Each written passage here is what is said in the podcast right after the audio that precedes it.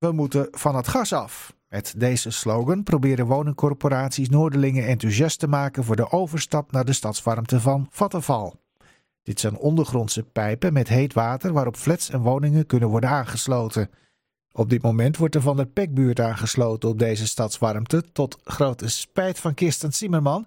Zij is secretaris van de huurdersvereniging. En bewoonster Lianne Verhaar in de Gentiaanstraat kan dit beamen, want sinds ze is aangesloten loopt het allemaal flink in de papieren. Dit jaar is dan het vastrecht 800 euro per jaar. Dat is alleen het vastrecht, dus dan is er nog niks verstookt. Nee, precies, er is nog niks verstookt. Dus het kan wel zo zijn dat je, dat je graag wilt besparen en dat je de verwarming niet aandoet, uh, dat je weinig uh, doucht. Maar die 800 euro die moet je gewoon betalen.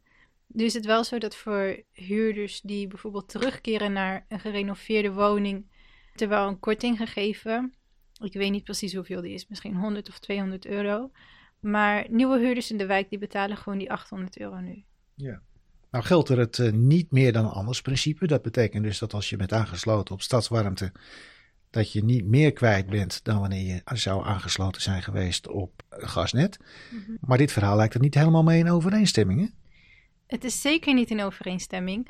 Het is um, het niet meer dan anders principe. Dat is iets wat jarenlang aan ons is uh, verteld. Dat niet meer dan anders principe.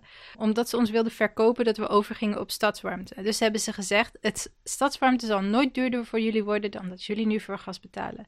Maar het is wel veel duurder. Ja.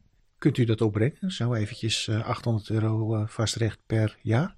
Ik vind het wel een grote rekening. 800 ja. euro. Uh, voor mij kost het moeite.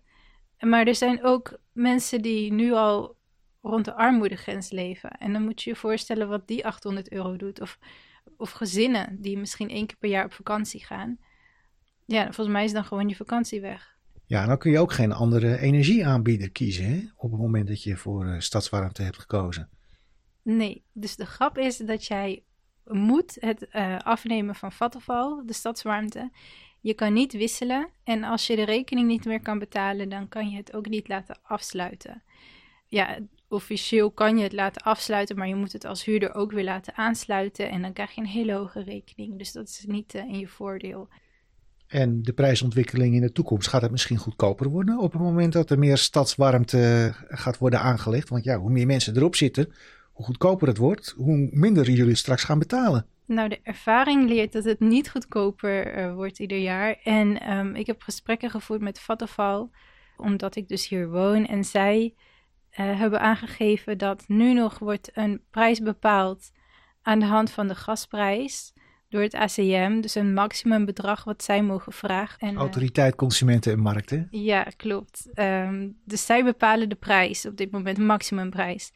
Maar in de toekomst komt er een ander systeem en dan zou Vattenfall een soort van kosten-plus model noemen ze het. En dan zouden ze hun kosten kunnen doorrekenen aan hun klanten. Eén op één. Ja, dat is hoe zij het uitleggen. Ze mogen hun kosten doorberekenen aan klanten en een bepaald percentage winst daarover maken nog.